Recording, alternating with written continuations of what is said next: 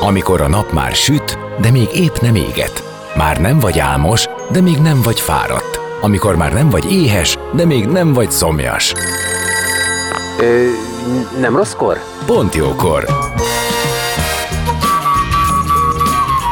Fényterápia Fehér Mariannal a Rádiókafén.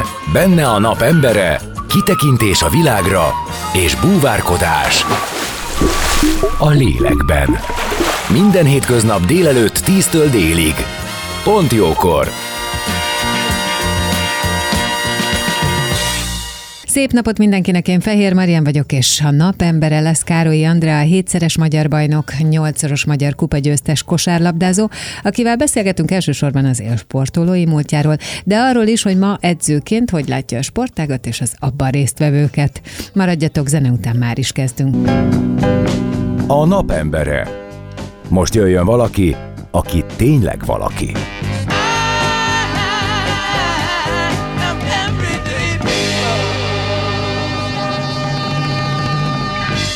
És vendégem Károlyi Andrea, hétszeres magyar bajnok, nyolcszoros magyar kupagyőztes kosárlabdázó, akit köszöntök, szia!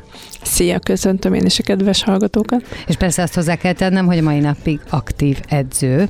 Igen. Ez jellemzi egyébként az utóbbi éveket, ha jól gondolom. Igen, hát ez igazából az elmúlt, nem is tudom, 15 évet. Uh-huh. Abban volt egy kis játék is, de, de javarészt a az elmúlt 15 évet az edzősködés jellemzi, igen. Igen, hogyha most ezt lebontjuk dátumokra, akkor 2008-ban vonultál vissza, 33 igen. éves korodban, de aztán közben családot alapítottál, igen. tehát 10-ben szültél, és aztán 12-ben visszatértél egy másfél szezonra, de az edzősködés közben is maradt, és persze utána is. Tehát, hogy így most úgy is beszélünk a profi karrierről, ilyen értelemben 36 és fél éves korodig tartott, volt benne egy kicsi szünet. Na de mikor indult, minek hatására, hogyan? Most már így utólag megoszlanak otthon a vélemények, hogy 87-ben vagy 88-ba kezdtem el, de nekem meggyőződésem, hogy 87-ben. Édesanyám levitt egy tehetségkutatóra, Városmajorba. Én egyáltalán nem akartam kosárlabdázni, mert röplabdáztam, és a barátnőim is röplabdáztak. És akkor levitt erre a tehetségkutatóra, és én mindent elkövettem, hogy bénázzak, de tényleg, és ennek ellenére Gencsev Plámen, ő akkor bíráskodott, ő felfigyelt rám, és ő beajánlott a, a BSE-hez. Te konkrétan és direkt bíráskodtál? Igen. Igen, abszolút. Dobni kellett, rá kellett dobni tíz büntetőt, szerintem lehet, hogy egyikkel se találtam el még a berendezésre. De miért? Ennyire nem akartad? Hát most egy 12 éves gyerek szerintem azt csinálja, Aha. ahova a barátnői kötik értem, leginkább. Értem. Anyukám ő kosarazott, de neki nagyon hamar abba kellett hagyni, mert dolgozni kellett, és neki a kosárlabda volt a mindene. Annak ellenére, hogy alacsony, nálunk a családban lányvonalon mindenki alacsony, én vagyok a kakuktojás. A családi képeken jó furán néz ki, hogy mindenki így itt, és hopsz, én. Na és akkor elkezdtem uh, kosarazni, az elején kétszer előfordult, hogy nem edzésre mentem, de annyi eszem nem volt, hogy a tök tiszta edzésutcot ne rakjam vissza a szekrénybe. Anyu észrevette, akkor utána vitt egy jó ideig, de aztán megszerettem annak ellenére is, és egyébként ezt nemrég mondtam a lányomnak, hogy a leges legelső edzésemen az egyik, hát ugye én egy kész csapatba kerültem bele, és az egyik csapattársam edzés közben, miután elvettem tőle a lablát, megfenyegetett, hogy ilyet többet nem erészeljek oh, csinálni, mert, nem ugye... megver. Hát aztán Ez nem... motiváló nagyon. Uh, ha igen. még egyszer labdát szerzel. igen, és hát nem sokkal utána szerintem az egész csapatból én voltam már csak, aki kosárlabdázott. Tényleg? Hmm. Ilyen gyors volt a kiesés? Vagy megunták? Vagy, hmm. vagy ott hamar kiderült, hogy ez nem Szerintem uh, igazából azt mondom neked, hogy egyik sem volt uh, tehetségtelen, csak azért abban az időben szerintem nálam ez mindig egy érdekes téma, mert én nem gondolom, hogy most kevesebb tehetség van. Valahogy nem találjuk meg őket, vagy, vagy a mai világ annyira, annyira sokrétű és sok uh, dolog vonza be a, a gyerekeket, és, és nem fókusz fókuszálnak konkrétan egy dologra, de, de akkor akik kosaraztak, azok azok, mind, majdnem mind egy szinten voltak, nem volt nagyon nagy Nem különbség. kiugrások? Igen. És, és azt mondom neked, hogy inkább a magasabb szinten volt ö, mindenki. Aztán lehet, hogy, lehet, hogy ilyen B-csoport, meg ilyenekbe még játszottak utána, de ahogy én haladtam előre, ugye serdülőbe kezdtem, tizen, igen, vagy az már kadett volt, már nem is tudom, hogy akkor hogy voltak, ahogy így lépkedtem előre a, a korosztályokba, egyre kevesebben jöttek velem abból a csapatból, ahol én, ahol én eredetileg kezdtem. És amikor megszeretted, akkor miért szeretted meg, vagy mit szerettél meg benne? Mi volt az, amire vissza tudsz emlékezni, ami először vonzó volt? Nekem óriási szerencsém volt, mert nagyon jó genetikát örököltem a szüleimtől, és emellé tehetséges is voltam. És ugye az, hogy amikor jönnek a sikerélmények, az egyik legjobb vagy a, a csapatodban, úgy is, hogy sokkal később kezdted, mint ők, az olyan jó érzéssel tölt el, de ennek ellenére nem emlékszem arra a pontra, amikor én elhatároztam volna, hogy én profi kosaras akarok lenni. Ez csak megtörtént? Igen. Igen, ez, ez úgy jött és vitt, és úgy, hogy amikor fölkerültem például a felnőtt csapathoz, akkor nem is nagyon játszottam. Volt meccseket. Jó, ez, ez fiatalokkal előfordul most is, hogy meccseket ugrabugráltam a sarokba melegítés gyanánt, de aztán az igazán nagy vízválasztó talán az volt, amikor átkerültem a Fradiba. Ugye BSE-ben kezdtem, ott, ott voltam 8 évet, és átkerültem a Fradiba 20 évesen, és ott egy fél év alatt az egyik húzó emberré nőttem ki magam. Ott Túlsit Sándor lett az edzőm, és bár a- az elvállásunk a öt év után nem volt éppen a leg, legszebb, de, de azt a mai napig nem tagadom, hogy én nagyon-nagyon-nagyon sokat köszönhetek neki. Figyelj, és volt más a fejedben, hogy, mert hogy profi kosaras nem feltétlenül akartál lenni, de volt valami irány, amit Nem. te szerettél? Nem? Nem. Tényleg? Nem, és, és megmondom neked őszintén, hogy, hogy most se tudnék mást. Egyszer nem olyan rég kérdezte tőlem valaki, hogy ha nem kosárlabda, akkor mi? És nem, nem, nem tudnék erre választani, pedig egyszer voltam asztrológusnál, és azt mondta nekem, hogy ez a kosárlabda, ez egy tévút. Köszönjük. Egész jól sikerült tévút. De akkoriban, vagy mikor? Nem, ilyet? ez mielőtt, mielőtt babánk lett, mert nekünk nagyon sokáig nem jött össze a baba, és előtte elmentem asztrológushoz, és akkor ő mondta, ne aggódjak, ö, 2009 ö, nyarán terhes leszek. Most tényleg? 2009 május végén valahogy így lettem terhes, igen. És akkor így mindenfélét nézett, és hogy nekem valami irodai munkát kellett volna űznem, mert hogy ez a kosárlabda, ez egy tévút. Azt oly- olyat ritkán hallok, hogy visszamenőleg megmondják, hogy mi az, ami tévedés volt, főleg úgy, hogy van Igen. egy csomó, van egy csomó eredmény benne. Igen. De oké, tehát akkor fele igaz, fele nem. Igen. Mondjuk így. Igen, igen, amiért mentem, Végülis, az igen, bejött. ami, amit te szerettél Igen. volna tudni, arra Igen. megkaptad a választ, és úgy is lett, szuper. De ötleted nem volt, mert én azt hittem, hogy akkor volt benned valami álmodozás, hogy ez vagy az leszel, de akkor tulajdonképp alakultak a dolgok, és Igen. kész. Igen, nagyon És nagy milyen egy kosaras volt. fiatal élete, vagy milyen volt akkor egy kosaras fiatal élete? Iskola, arra mennyire jutott idő? Közösséged az honnan volt? Leginkább a kosárpályáról. Nekem a 10 vagy 15 éves érettségi találkozómon derült ki, Hogy hogy, mi egy jó osztály voltunk. Ja? Én meg voltam róla győződve, hogy ez egy ilyen semmilyen osztály volt. Hát ugye én nagyon keveset vettem. Hát iskolába jártam, sose hagytam ki. Jó, ez nem igaz, hogy sose hagytam ki, de nekem nem kellett reggeli edzésre járnom, meg ilyenek, de szóval amikor nem meccs miatt utaztunk valahol, vagy, vagy ilyesmi, akkor én mindig jártam iskolába.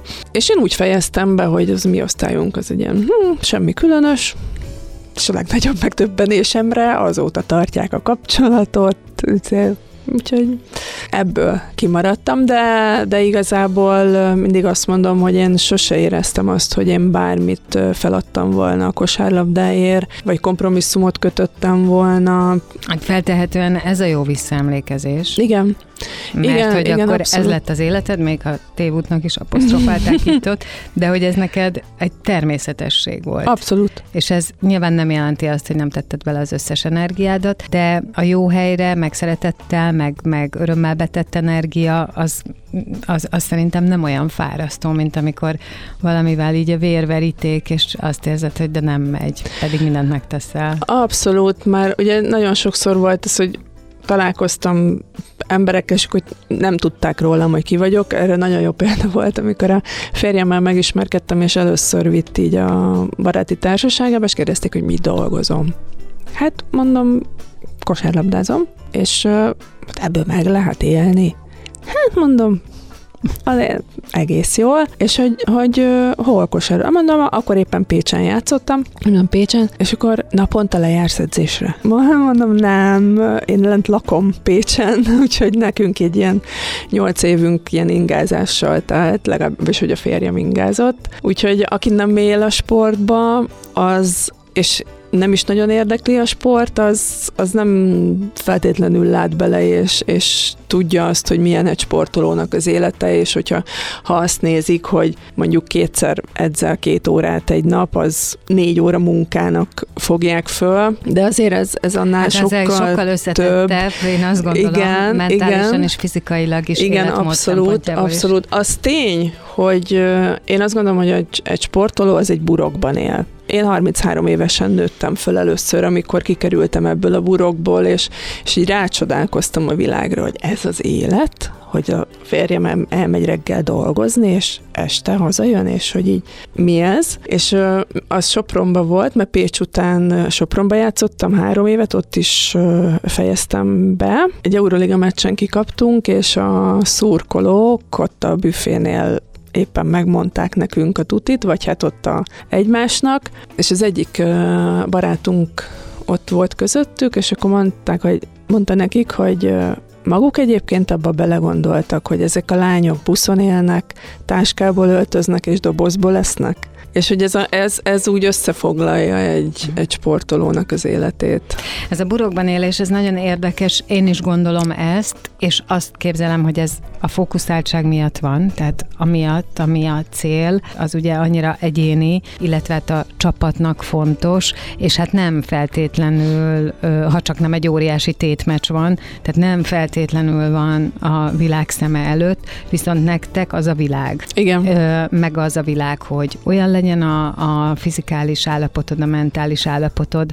Szóval, hogy ezt én nagyon értem, és volt erre egyszer egy tapasztalatom, hobbi sport kapcsán, de edzőtáborban voltunk, és én akkor már rádiós voltam, és volt egy hét, akkor kivettem ezt az egy hét szabadságot, hogy elmentünk erre a Balatoni edzőtáborba, és az volt az élményem, hogy enni szeretnék, fürödni és aludni. Tehát, hogy ezek, ezek a, ha nem edzések vannak, akkor ezt a három dolgot szeretném, és nagyon emlékszem, hogy megvettem az akkori magyar hírlapot hétfőn, mert hogy újságíróként minden nap elolvastam a napi sajtot természetesen, hiszen a fókuszáltságomban az volt benne, és vasárnapig nem jutottam túl az első oldalán, hiszen a napi nem tudom én három edzés, közte az étkezések, és a, tehát a szabadidőmet nem erre használtam, hanem Igen. arra a regenerálódás, és mondom, ez csak hobbi, tehát arra a regenerálódásra, hogy majd a következőt bírjam. És akkor én, én, én nagyon emlékszem arra a pillanatra, hogy azt mondtam, hogy miről beszélünk? Hát mit akarunk tőlük, hogy bármiről is ami aktuálisan nem a leges legfontosabb, arról tudjanak, arra figyeljenek, arról alkossanak véleményt.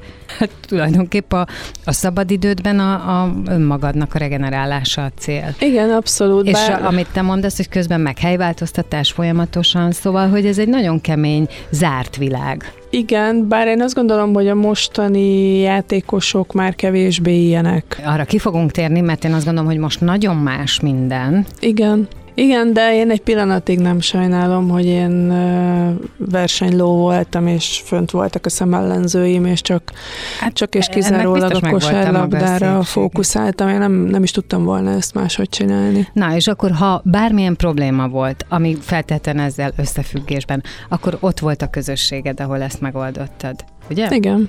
igen. Volt akkor már ö, sportpszichológus, tehát foglalkoztak? nem. nem.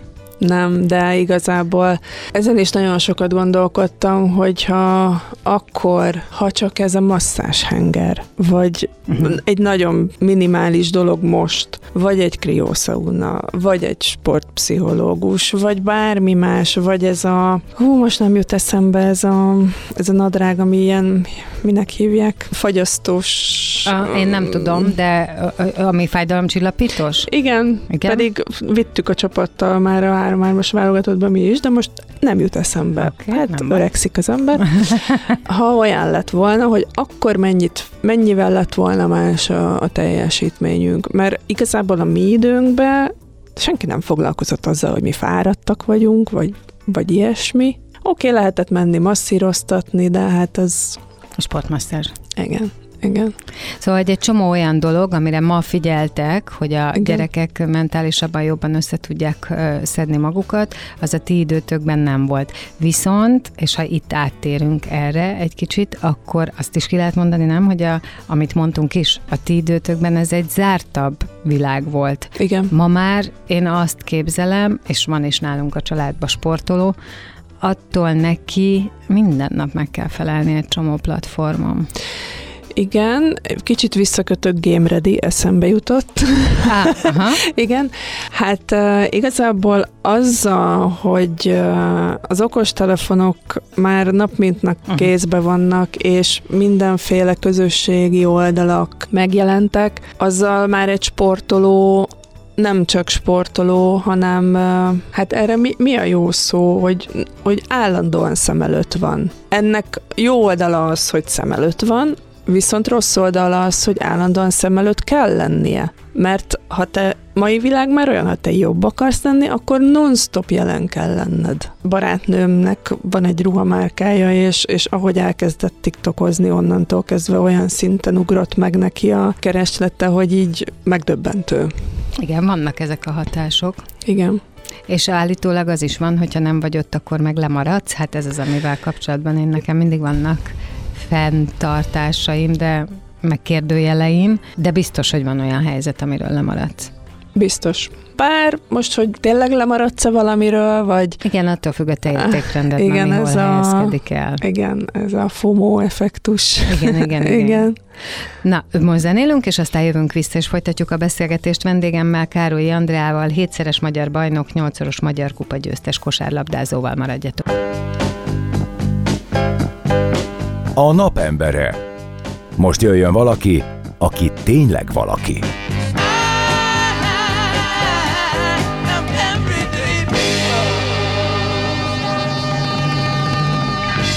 Vendégem továbbra is Károlyi Andrea, a hétszeres magyar bajnok, nyolcszoros magyar kupa győztes kosárlabdázó, és beszélgettünk már a te idődről, illetve arról, amikor te voltál élsportoló, és végülis nagyon egyszerűen azt fejezted ki, hogy ez egy történés volt az életedben. Tehát, hogy onnantól kezdve, hogy levittek először kosárlabdára, egy darabig nem kedvelted, majd megszeretted, egyébként kiderült, hogy tehetséges vagy, és nem is volt semmi olyan, ami elterelte volna a figyelmedet, vagy vágyaid lettek volna, hogy valamilyen munkát végez, miközben ez sem volt a vágyat, hogy feltétlenül válogatott, vagy profi kosárlabdás legyél, de hogy erre vitt az élet, ez neked rendben volt, egyébként ha problémád volt, megoldottad, csomó olyan dolog nem volt, ami a mai sportolóknak már a rendelkezésükre áll. Szóval, hogyha össze kéne foglalnom, akkor, és biztos nem feltétlenül így volt abból a szemszögből, de ebbe a székbe ülve most olyan, mintha azt mondanád, hogy ez egy egyértelmű dolog volt. Bele kellett tenni az energiát és a, a küzdelmet, de hogy ez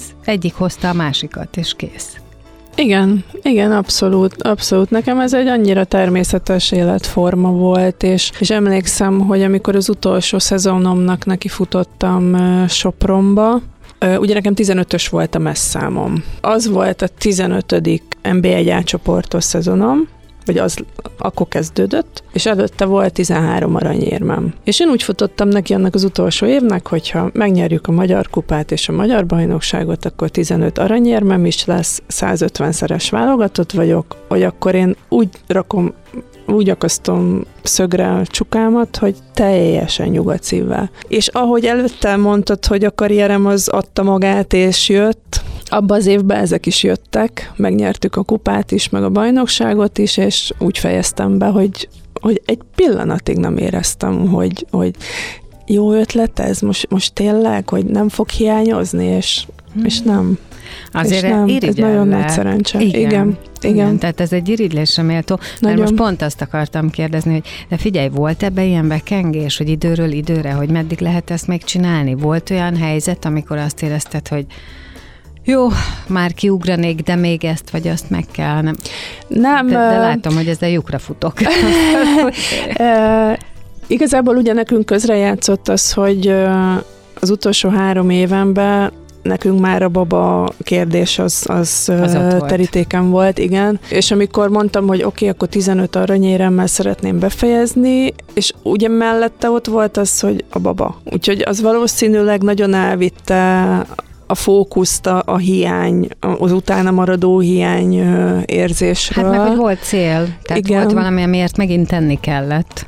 Igen, és, és utána itt sokan kérdezték abba három és fél évben, ugye, vagy igen, amíg, amíg nem kosaroztam, csak edzősködtem, hogy nem, nem akarsz még játszani, vagy és akár kisebb csoportba, vagy bárhol, és így mondtam, hogy nekem annyira nem hiányzik, és akkor a BSE-be edzősködtem, és uh, oda kerültem a felnőtt csapathoz is, másodedzőnek, és ott az egyik megy szünetébe kérdezte, vagy beszélgettünk, hogy nincs kedved beállni?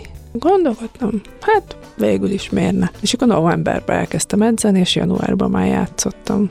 Mi volt szerinted neked a legnagyobb erőssége? A kitartásom. Uh-huh. Abszolút a kitartásom, és az, hogy, hogy semmi nem tudta elvinni a fókuszt a, a kosárlabdáról. És hát igazából én most az, hogy szerencsés csillagzat alatt születtem, ezt, ezt így nem tudom, de nagyon-nagyon jó edzőim voltak, annak ellenére, hogy az emberi oldaluk nem feltétlenül volt az, de, de én vallom azt, hogy, hogy akkor, vagy mi magyarok, nem tudom, ezzel a simogatós módszerrel nem jutunk előre. Nekem ez volt az érzésem, hogy engem el kellett küldeni melegebb éghajlatra, hogy, hogy én ki tudjam hozni magamból a, a maximumot, és ugye amikor Pécsen játszottam, Rádgéber László volt az edzőm, hát ö, nem volt a haverom, uh-huh, uh-huh.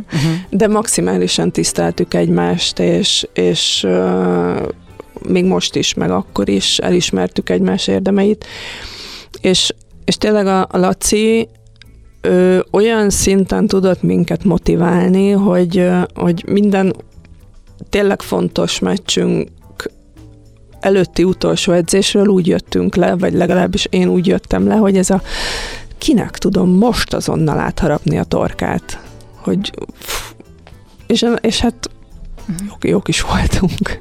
Igen, hát nem tudom, hogy, a, hogy ott a PC módszer az mennyire működik, tehát mennyire lehet kérlelve, noszogatva egy csapatot arra rávenni, vagy olyan állapotba hozni, amilyenbe kell.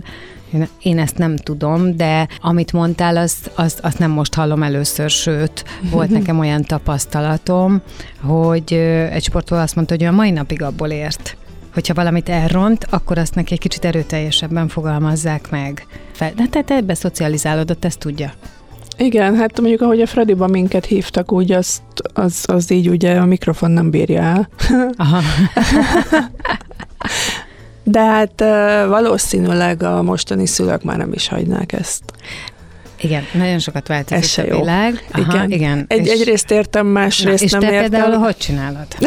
hát, hát igen, ilyen szempontból én vagyok a rózsarú a családban. Uh-huh mert uh, sokszor van az, hogy nem igaz, nem olyan nagyon sokszor, mert uh, azt megtapasztaltam, ha én kim vagyok a lányom meccsén, akkor nagyon-nagyon feszült Hát ugye ott van neki előtte egy példa, és uh, most nem tudom, hogy ennek meg akar felelni, vagy... Tehát biztos benne van. Igen, és úgy nézem végig a meccset, hogy édes jó Istenem, és akkor utána jön, hogy jaj, anya, ma ugye milyen ügyes voltam? És mondom neki, hogy hát szívem, nem.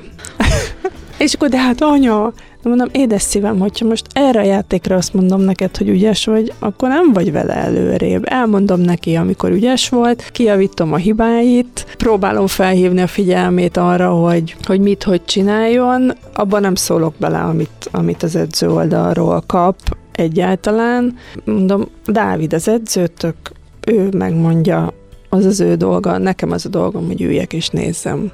Hát igen, de ha már azt mondod, hogy valami nem jó, akkor nyilván az a oké, okay, hogyha megmondod, hogy helyette, hogy lesz ez jó, de hát mondtad is, hogy ezt megteszed. Igen. De nem gondolod, hogy szigorúbb vagy így, mint amúgy lennél, bár persze honnan tudnád, hogy milyen lennél mm-hmm. amúgy, de mondjuk milyen vagy a játékosaiddal, és ott hát, milyen hangnemet ütsz meg?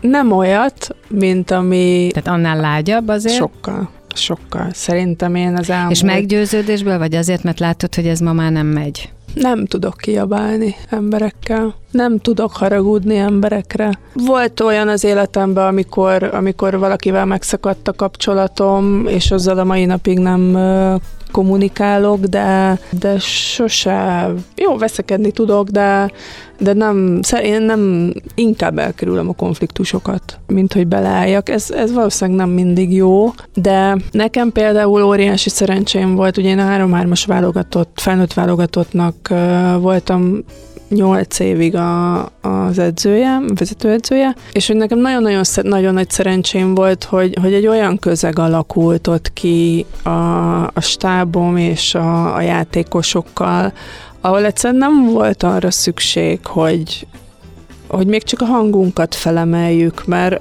mert mindenki tudta a dolgát, és becsülettel dolgozott. Persze, abba belecsúszott néha-néha vereség, de hát erről szól a sport. Úgyhogy igazából szükségem se volt nagyon soha arra, hogy, hogy bárkivel kiabáljak, vagy veszekedjek. Természetesen, hogyha ha húzamosabb ideig valami nem volt, igazából nem is ezt, hanem most, most, mert most már az U17-U18-as válogatottnak vagyok a, az edzője, ugyanígy a 3-3-ba, és szerintem ott egyszer egy kislánynak mondtam el a véleményem, egy picit emelt hangon, de ott, ott se, se csúnyát, semmit nem mondtam neki, azért, mert ritkán lát láttam olyan tehetséget, mint ő, de valami, valami mégis gátolja. És, és amikor, amikor azt vettem észre, hogy nem feltétlenül nem teszi bele, amit tud, hanem valami éppen elvitte a fókuszt, akkor, akkor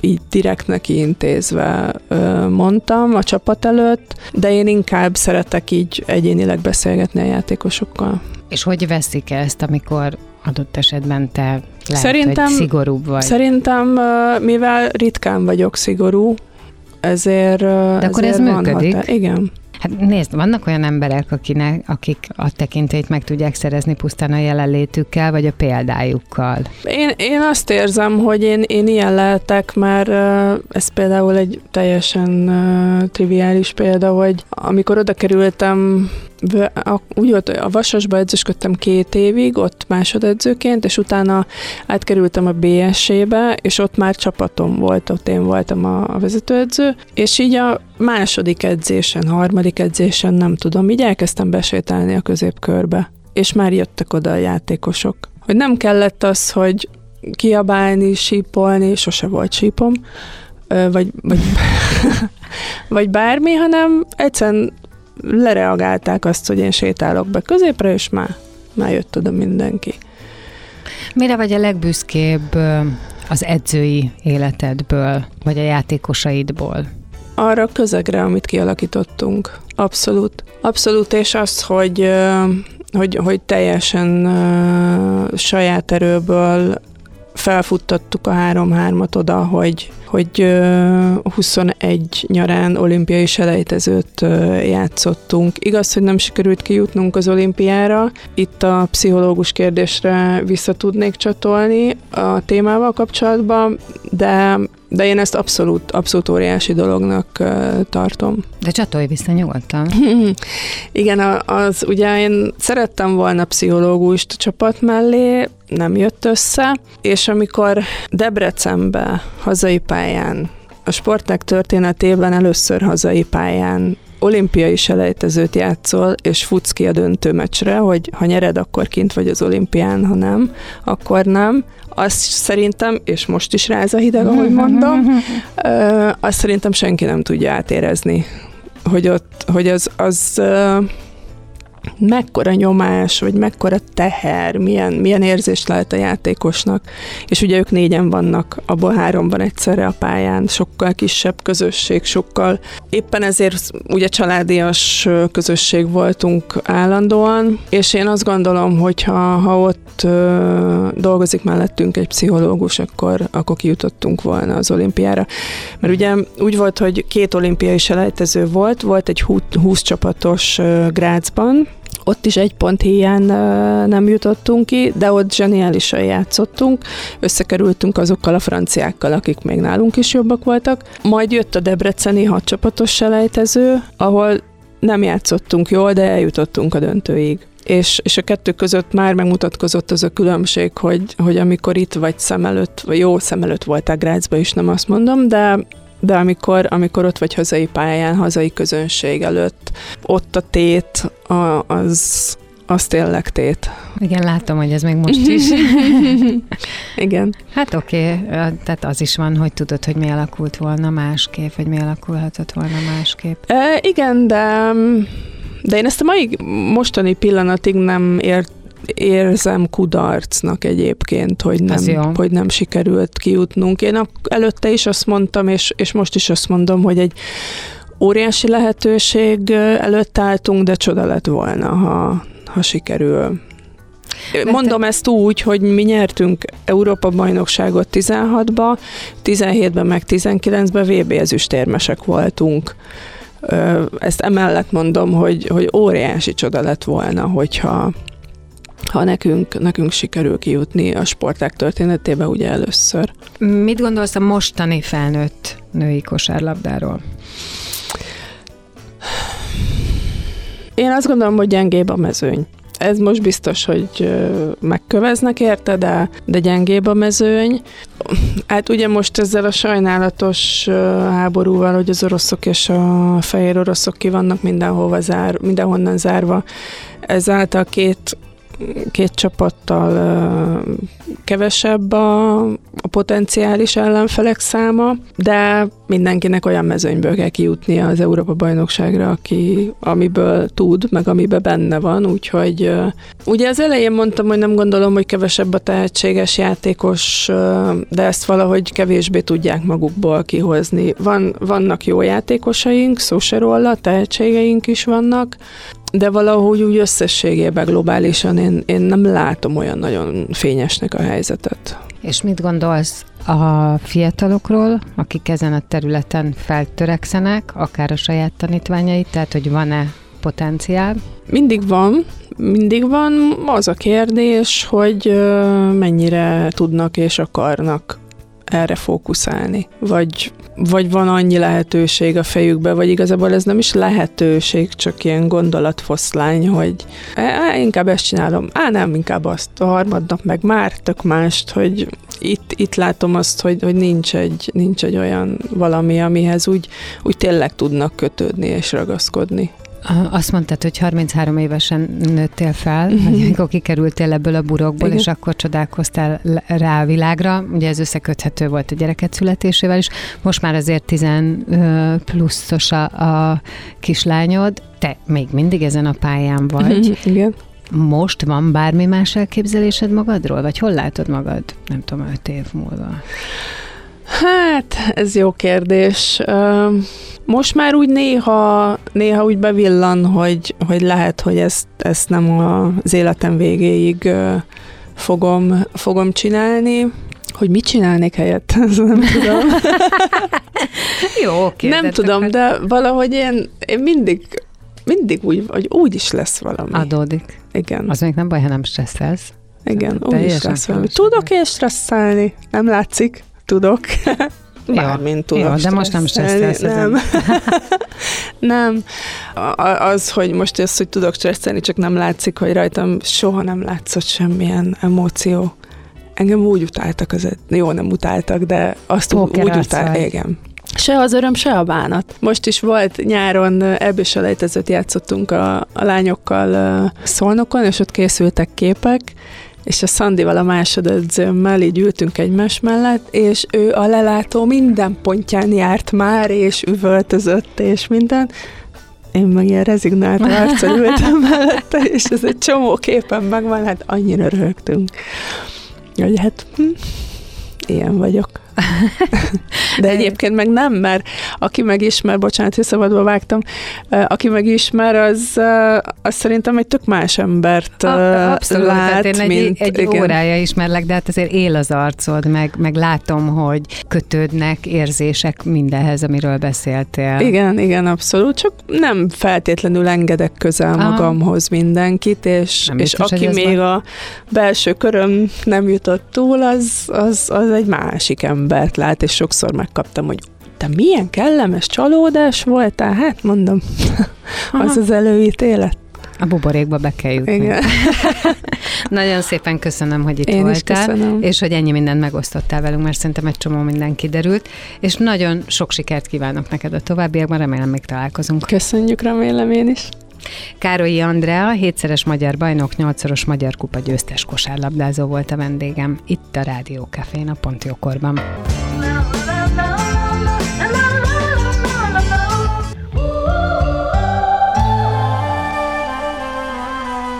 Az elhangzott műsorszám termék megjelenítést tartalmazott.